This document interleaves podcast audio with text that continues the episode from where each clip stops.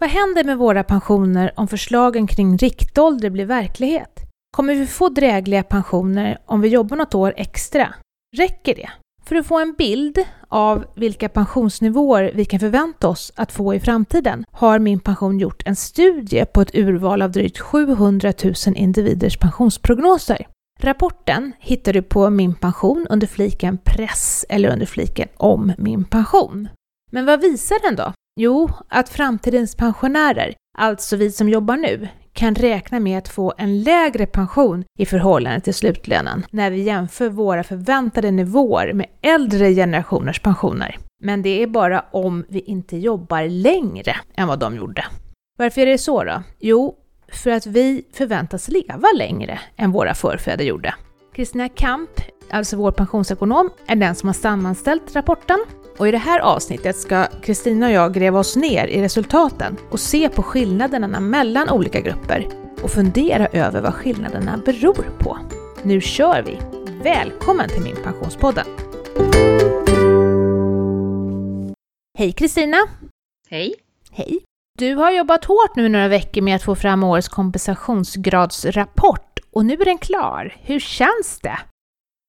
Ja, men det känns faktiskt bra. Jag, jag, tycker att det är kul att göra de här rapporterna för att underlaget är faktiskt taget från verkligheten från alla riktiga människor som har loggat in på min pension och gjort prognoser och då är det ju kul att kunna, eftersom det är så många faktiskt, det är ju ganska många som loggar in på min pension, så, så är det ju ett bra underlag. Mm. Ja, det är verkligen väldigt många som loggar in på min pension faktiskt. Mm. Ja, resultaten presenterade vi vid en pressträff i förra veckan och innan vi går in i detaljerna kring vad vi har kommit fram till så tänker jag att du ska få förklara vad är kompensationsgrad för något? Ja, det är ett undligt ord egentligen. Jag vet inte vad man ska hitta. Genomsnittspension i förhållande till lön. Alltså, det är ett sätt att mäta pensionen. Kompensationsgraden är alltså pensionen i förhållande till den inkomst du hade innan pensionen. Om du har 30 000 i lön före pensionen och så får du 15 000 i pension då är ju kompensationsgraden hälften, alltså 50 procent. Och ja. när vi gör beräkningar så jämför vi då med lön eftersom vi tror att det är något som är rimligt att jämföra med. Sen kan ju förstås den som går i pension ha haft a-kassa eller sjukersättning och sånt där. Men, men jag tror inte man tänker så. Jag tänker att om jag tänker på vad ska jag få i pension så tänker jag i förhållande till vad har jag i lön. Mm. Men ja, vi kommer att prata om kompensationsgrad, det är ett ord. Ett annat svårt ord som vi kommer att prata om, det är riktålder. Och vad är det för något? Då? Vi har haft en hel podd tror jag om riktålder, men, men kan du snabbt bara försöka förklara vad är, vad är riktålder? Jag förstår inte varför man står så konstiga ord. Nej. Eh, alltså riktålder det är ett alldeles nytt pensionsord eh, som man har hittat på för att säga att vi, vi måste jobba längre. Och, och det här innebär faktiskt att pensionen, eller i alla fall de ersättningar du får från staten så att säga, va? Den anpassas till varje generations medellivslängd. Den praktiska betydelsen det är att idag så är det ju 65 år, det är liksom en sån här vedertagen pensionsålder. Det är då man börjar få garantipension. Det är då a-kassan upphör och såna här saker. Det är liksom en gräns när du går från eh, ersättningar för att du får för att du jobbar till ersättningar som för att du får för att du är gammal. Och de här åldersgränserna ska då flyttas uppåt för varje generation eftersom mm. vi lever längre. Mm. Så det är riktålder. Ja. Mm. Varför gör min pension en kompensationsgradsrapport då? Ja, inte bara en, vi gör många och det är det som är lite spännande. För att då kan man titta på då vad som händer med de här kompensationsgraderna. Mm. Alltså syftet med kompensationsgradsberäkningarna det är just att studera vad som händer i pensionssystemet för enskilda individer då födda, ja i år är det från 1955 och senare. Och så ser vi om det är någon skillnad i alltså kompensationsgrad, vad man får ut i förhållande till lön. Om det är skillnad mellan kön, om det är skillnad mellan olika åldrar, olika avtalsområden, alltså om du arbetar i tjänsteman eller andra faktorer som kan leda till olika utfall. Vi har ju tittat på och sagt så många gånger i de här poddarna att det är inte sista lönen som över pensionen utan det är liksom vad du gör innan dess om du jobbar mycket deltid, om du kommer in senare på arbetsmarknaden, ja vi vet vad det är. Och så vill vi då se alltså, hur det här ser ut från tid till annan och lite grann också om alla som har loggat in på min pension, om de skiljer sig lite grann från Sveriges befolkning eller om, de, om vi får med dem som vi vill ha med. Egentligen vill vi liksom bara tala om att, att pensionssystemet finns, hur det utvecklas och att uh, man ska logga in på min pension eftersom där ser man sin egen prognos. Och hur påverkas då kompensationsgraden av arbete fram till den föreslagna riktåldern? Ja, alltså om man ska jobba längre så blir det ju såklart bättre eftersom du jobbar flera år så tjänar du in mera pengar till din pension. Om du dessutom jobbar längre upp i åren så blir det ju då sannolikt färre år som pensionen ska betalas ut. Mm. Man räknar ju efter den där tänkta medellivslängden. Så att då får du ju mer pension varje månad. Så att kompensationsgraden blir bättre om du jobbar till riktåldern. Å andra sidan får du ju jobba flera år. Det är mm. inget snack den saken.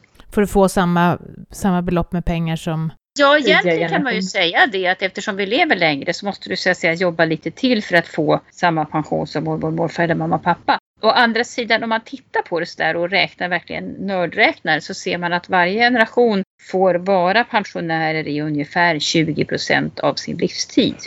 Så det är rättvist då kan man säga? Man kan säga på det sättet är det rättvist. Det som känns mindre rättvist är ju att det blir fler år. Alltså 45 år måste man ju typ jobba och det är ganska många år.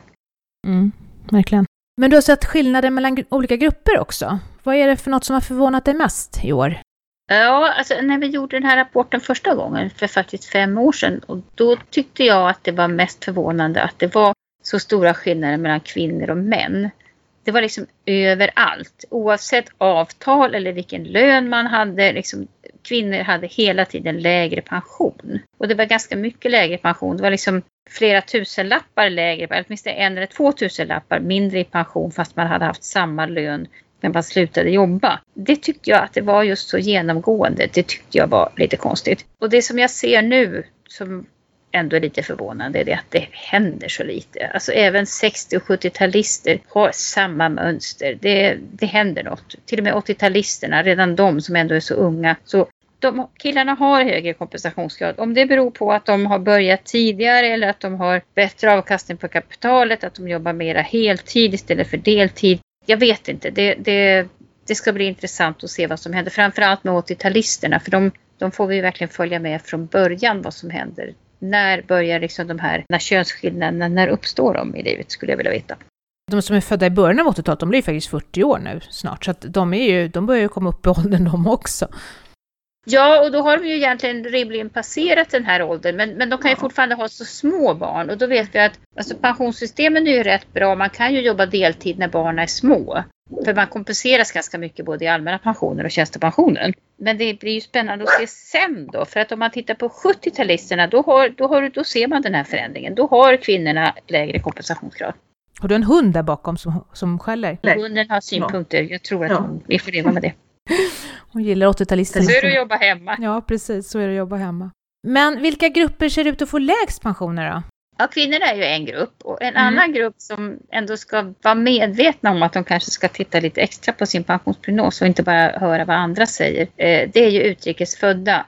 De riskerar alltså att få låga pensioner i förhållande till sin lön. Eh, och det troliga här är ju då att de inte hinner jobba lika många år i Sverige som om man kanske är född i Sverige och kommer in tidigt på arbetsmarknaden. Och då får man ju färre år då man får inbetalning till pensionerna. Jag tycker att det här, då är man, alltså man ska vara lite, lite noga med att titta extra på sin pensionsprognos då, för att annars riskerar man ju att bli besviken om man bara liksom hör att alla andra får en viss pension och så får man inte samma pension själv. Mm. Har du några siffror att komma med? Ja, om vi nu tittar på då kompensationsgraden all inclusive, eller på att säga, medianen. Om man skulle titta på alla våra användare så har de en median kompensationsgrad på ungefär 59 procent. Nu är det ju så att en hel del av våra användare är lite högre upp i åren och då har man ju per definition lite högre kompensationsgrad eftersom man då inte ska leva så länge. Om vi tittar separat på männen så passerar de faktiskt 60 procent. De har 60,9 procent i kompensationsgrad. Kvinnorna är, har 57,7. Så att det är ju en skillnad där. Inget snack, 3 procent ungefär. Och 3 procent, vad är det 3 procentenheter? Är det något att tjafsa om? Men om man då skulle ha, låt säga att du har 40 000 i, i inkomst och så har du 3% lägre kompensationsgrad. Då är alltså varje procent är ju faktiskt 400 kronor. Så 3 gånger 4 det är faktiskt 1200 kronor lägre pension varje månad. Så det, det är pengar vi pratar om. Och tittar vi på utrikes födda så kommer vi ner på 51,8 procent. Så att då, då sjunker ju kompensationsgraden ytterligare. Bygger de här siffrorna på att vi jobbar till vår respektive riktålder? Nej, vad vi i första hand mäter ännu så länge det är ju att alla jobbar till samma ålder och vi har liksom eh, innan man verkligen har börjat höja de här riktåldrarna, vilket man kanske gör då 2023 eller 2024 någonting. Så räknar vi alla lika, alla jobbar fram till 65 år och tar ut pensionen på så lång tid som möjligt. För det är då vi kan se skillnaderna. Mm. Vad tror du då? Kommer det räcka med att man jobbar på några år till för att få pensioner som man kan leva på? Eller kan leva på, man kanske kan leva på det andra också, men räcker det liksom för att vi ska komma upp i samma nivåer som tidigare generationer? Det beror så på. Alltså om man tittar på de riktigt unga, som, men de ska ju jobba både 4 och 5, de ska jobba till 69 och 70 år för att komma upp till sin riktålder då. Ja, då kommer de nog, om de, om de så att säga verkligen jobbar och, och jobbar heltid och har, får jobb, på att säga, så, så går det nog bra. De kommer nog liksom att få en pension på ungefär 70 procent av sin lön och det är ju ändå rätt okej. Okay. Medan 60 och 50-talisterna, 60-talisterna framförallt, även 70-talisterna faktiskt, inte riktigt kommer upp till samma nivåer. Men de behöver ju inte jobba lika länge heller. Deras riktålder är ju faktiskt lägre. Vad händer med de som inte orkar eller kan jobba så här långt upp i åren då, har jag tänkt på? Ja, det är ju en bra fråga. Men riktålder, som jag sa förut då, då det, alltså, det, om man säger då att dagens riktålder är 65 år, det vill säga det är då du får garantipension och andra stöd, bostadstillägg och sånt. Och det är samtidigt å andra sidan då ersättning från a-kassa och sjukersättning upphör. Men när riktåldern höjs så är det också meningen att a-kassa och sjukersättning och sånt ska hänga med upp i åldrarna. Så det är inte precis så att liksom, oh shit, nu tog pengarna slut, vad ska jag leva på? Utan om du inte orkar, om du är sjuk eller arbetslös eller så, så, så får du i alla fall en ersättning därifrån även fast du har blivit äldre. Och sen ser man ju också att det är ju ingen nyhet att vi behöver jobba längre för att få samma pension eftersom vi lever längre. Så att arbetsmarknadens parter de har ju redan börjat liksom att, titta på det här och har ju infört till exempel någonting som heter flexpension. Och då har man möjlighet att gå ner i arbetstid de sista åren och så har man avsatt mer pengar till tjänstepensionen. Det har man ju gjort upp i, i sådana här lönesamtal. Eh, och då kan man ju använda de pengarna då för att liksom kompensera för att man kanske går ner i arbetstid i alla fall. Men mm. flexpensionen finns ju inte i alla avtal än. Nej. Men är man nyfiken på vad flexpension är och vill veta mer om det så har vi gjort ett helt poddavsnitt tillsammans med eh, en gäst som heter Martin Linder som är Unionens eh, ordförande. Så att lyssna på det avsnittet så får ni veta mer om flexpension. Flexpension kommer att komma mer än vad det är. Flexpension är ja. nytt men det kommer nog att bli mer allmänt förekommande tror jag. Ja, och i, idag så är det inte alla avtal som har det men, men många. Men varför sticker gruppen utrikesfödda ut så mycket då? Vad kan man göra, eller vad kan de göra för att balansera upp nivåerna bättre? Ja, de har ju färre intjänande år förmodligen och möjligen har de ju pension i andra länder. Det finns ju de som kan ha det för att jag menar det man ser på min pension är ju bara det du har tjänat in i Sverige och har man då jobbat i Norge eller Finland eller, eller född där så kanske man har pensioner därifrån och även Polen så. Sen behöver de pensionerna kanske inte vara lika höga så man kanske inte får lika mycket pengar. Men eh, annars är ju universalreceptet att man, man får ju jobba längre.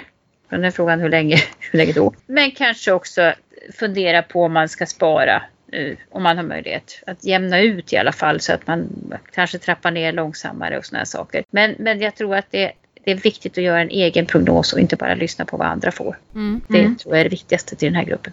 Verkligen. Och så den här gruppen 80-talister, de beräknas ju få högre pension, alltså allmän pension från staten då, än 70-talisterna när vi tittar på den här statistiken. Vad tror du ligger bakom det?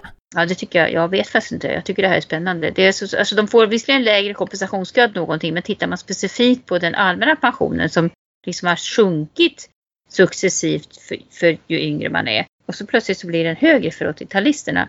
Det kan ju vara så. Alltså vi har ju haft några goda år nu faktiskt innan den här coronan fanns. Vi har ju haft liksom låg arbetslöshet, vi har haft bra utveckling på börsen.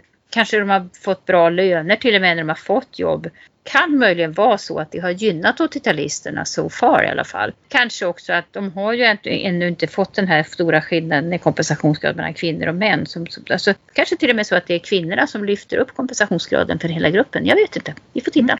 Mm, spännande. Sen så 70-talisterna kom väl nästan ut då när det var 90-talskris, så de var ju tvungna att, alltså de kanske kom in senare i arbetslivet, precis som du säger också. Ja, det är det jag det är det jag funderar på. Om det, mm. om det, men, men det vet vi ju inte för vi gör ju bara stickprov så vi kan ju inte säga så mycket. Men, men eh, vi, får, vi ska ju göra många rapporter hoppas jag. Får vi får se vad det tar vägen. Verkligen spännande. Någonting annat som, som sticker ut då när, när du har gjort den här rapporten det är ju en skillnad mellan stad och land. Det var kanske inte så mycket i eh, kompensationsgraden, men i pensionsnivåerna, alltså de här faktiska siffrorna, det man faktiskt får i plånboken. Vad beror det på då, tror du? Ja, det här tycker jag ju är alltså, lite förvånande också. Det har ju varit, det, det, är så här nu, alltså att man har högre pensioner i stan än vad man har på landet. Och då har ju jag då fördomsfullt tänkt att ja, men det är väl alla gamla tanter som har varit hemmafruar, det har man inte varit lika, lika mycket i, i stan och att det, det skulle väl liksom gå över med tiden. Men här har vi ju tittat på framtid, alltså pensionsprognoser ute på landet och i stan. Och det är ju både män och kvinnor i Stockholm framförallt har ju då mycket högre förväntad pension än vad man har till exempel Jämtland, Gotland, Härjedalen sådär. Alltså glesbygdskommuner kan man väl säga. Det, jag tycker det är förvånande faktiskt. Jag, jag, nej, jag förstår inte riktigt varför. Och det, men det, samtidigt är det väl bra att känna till att det är så. Inte minst för kanske de här kommunpolitikerna och regionpolitikerna som ska prognostisera framtida intäkter och inte. Mm, vi får hoppas att det är billigare att leva då på, på landsbygden också än vad det är i storstan. Det är lätt kanske... att liksom säga så, men, men å andra sidan i storstan har du ju liksom, ja, dels har du oftast tjänat pengar på ditt hus så att du kan faktiskt bo billigt eller sälja det och du har ju rabatt på tunnelbanan och rabatt på spårvagnen och kan åka tåg och i landsorten så är det ju oftast, alltså du är ju hänvisad till bilen och någon, någon pensionärsrabatt på bensin har jag ju inte sett än. Mm. Du får oftast faktiskt lägre bostadstillägg också eftersom du har en låg boendekostnad men du är ju beroende av bilen och något biltillägg får du inte. Så det där är, det är knepigt det där tycker jag faktiskt. Verkligen. Då kan vi inte räkna med att det är billigare på landet alltså, utan då blir det bara lägre pension. Jag är rädd för det mm. faktiskt. Mm. Ja. Men sen kan det också vara så, jag har ingen aning, det kan ju vara så att man har andra inkomster. Alltså det kan ju man kanske är stor egenföretagare, man kanske har massa skog, vad vet jag, men jag tror inte alla har det. Ja, helt klart är ju att man måste ha koll på vad man gör i livet för att få en okej pension senare. Vad är de viktigaste sakerna som man ska ha koll på tycker du under yrkeslivet? Ja, du ska ju ha ett jobb. Vilket ju inte alltid är så självklart och just nu så ser vi ju faktiskt att arbetslösheten stiger brant och det var ganska länge sedan vi hade så höga arbetslöshetstal. Det kanske också gör det svårare att jobba längre faktiskt om man inte får de här jobben. Sen ska man ju ha en tjänstepension Visst, man ska alltid fråga om den där tjänstepensionen. Man ska ju försöka få ihop många år. Det är faktiskt så att ett långt liv med ganska låg lön kan ge lika bra pension som ett kortare arbetsliv med hög lön. Så mm. det är väl egentligen mina standardtips. Jobba länge och ha tjänstepension. Och så kanske inte så mycket deltid? Nej. Eller? Nej. Precis, det är ju det vi brukar säga. Alltså jobba länge, ha en bra lön och, och, för all del kan du spara extra så är det bra och kanske ha koll på hur din pension är placerad. Mm. Och du brukar ju också säga att varje person har sin egen unika prognos. Vad menar du med det då? Ja men det är just det här att förr, om vi tar förr, nu pratar vi liksom de som är 80 plus idag, de hade ju en, en ganska likartad pension. Man fick sina ATP-poäng, man hade jobbat 30 år och sen fick man någon tjänstepension som kanske var 10% på det och det var, det var inga dramatiska skillnader, det var mindre skillnader och man visste ungefär vad som, alltså man kunde inte påverka så mycket själv. Eh, idag så är det så vansinnigt många faktorer som spelar roll. Det är när du börjar, när du slutar, alla år räknas, du ska ha rätt tjänstepension, tjänstepensionerna skiljer sig åt, du ska ha avkastning på kapitalet. Det är klart att det, det finns inga standardsvar längre då, hur stor blir min pension utan du måste ju kolla själv, det är därför min pension finns. Mm. Och då går man in på min pension, loggar in och kollar helt enkelt, hur ser min pension ut? Ja, och alla finns ju där. Du loggar ju in med ditt personnummer. Så har du tjänat in någon liten pension i Sverige någon gång, alltså deklarerat någon gång, då har du en pension någonstans. Mm, mm, precis, då ser man den. Den som inte orkar eller kan jobba då? Hur kan man då öka sin pension? Ja, tack och lov så är det ju faktiskt så att om du är sjuk så har du ju rätt till olika typer av stöd som är faktiskt pensionsgrundande både i den allmänna pensionen och i tjänstepensionerna. A-kassa ger också faktiskt pension. Då får man ju tyvärr ingen tjänstepension eftersom då bygger det på att arbetsgivaren betalar in till dig. Spara om man kan och ha en bra värdeutveckling på sparandet. Om man börjar att spara tidigt och har liksom en buffert då kanske man ändå kan leva med att man kanske tjänar lite mindre i slutet på arbetslivet så man liksom har mer flexibilitet tycker jag. Och om du är väldigt orolig, det ska man väl också säga, för att det, det här, alltså man kan prata hur mycket som helst, man säger att du ska göra det och det och så känner man att det där har inte jag gjort, och jag har ingen aning hur det ska bli. Eh, I varje kommun så finns det faktiskt en budget och skuldrådgivare och de jobbar åt kommunen och de är till för att hjälpa till med ekonomiska bekymmer och inte bara alltså liksom fixa skulder och sådana här saker utan de är fantastiskt bra på att hjälpa dig om du är orolig över din ekonomi. Så prata med dem. Det kostar ingenting, det är bara att ställa sig i kö hos kommunen. Det är jättebra tips. Jag tänker också, nu har du gjort den här rapporten. Eh, vad skulle du vilja skicka med våra lyssnare? Är det något speciellt så som du med den här rapporten i ryggen? Ja, det är ju, gå in och gör din egen prognos. Det är det, ja. Ja, för det är ingen idé att lyssna på andra utan varje människa är unik. Så att eh, även om du, du har en kollega på jobbet och ni har jobbat tillsammans i tio år så kan ni ha helt olika pensioner. För det är väl så att det är inte sista slutlönen som räknas utan det är ju liksom allt du känner in under livets gång. Ja, precis. Och då påverkar allting som man gör vad det blir. Alla år räknas. Alla år räknas. Så gör en prognos.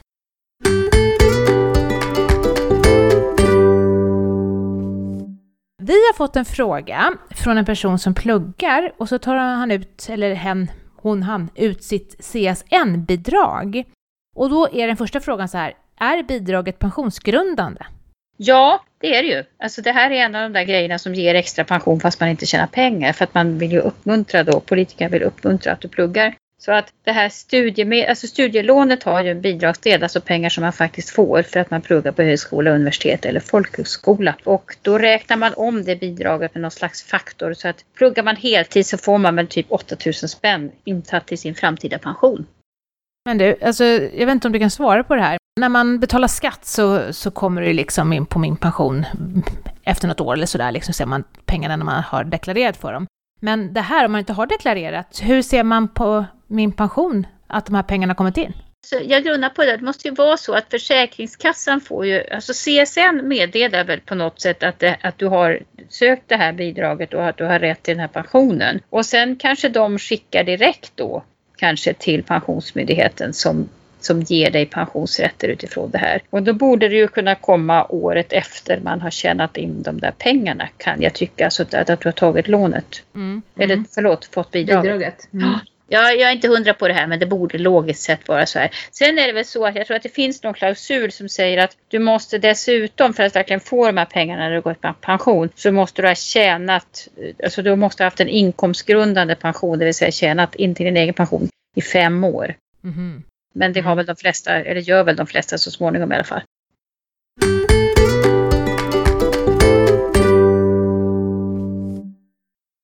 Tack för att du har lyssnat på Min Pensionspodden, där vi idag har pratat om hur våra pensioner förväntas bli i framtiden och om skillnaderna som finns mellan olika gruppers pensioner. I avsnittet hörde du vår pensionsekonom Kristina Kamp och så jag själv Maria Eklund från Min Pension.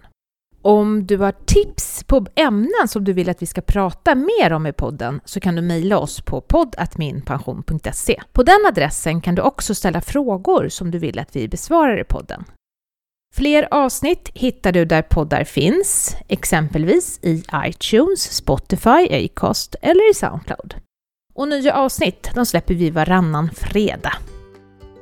Om du är nyfiken på rapporten som jag pratat om så hittar du den på Min pension under fliken om min pension eller också på vår presssida. Var nu rädd om dig och din pension så hörs vi snart igen. Ha det så bra, hej!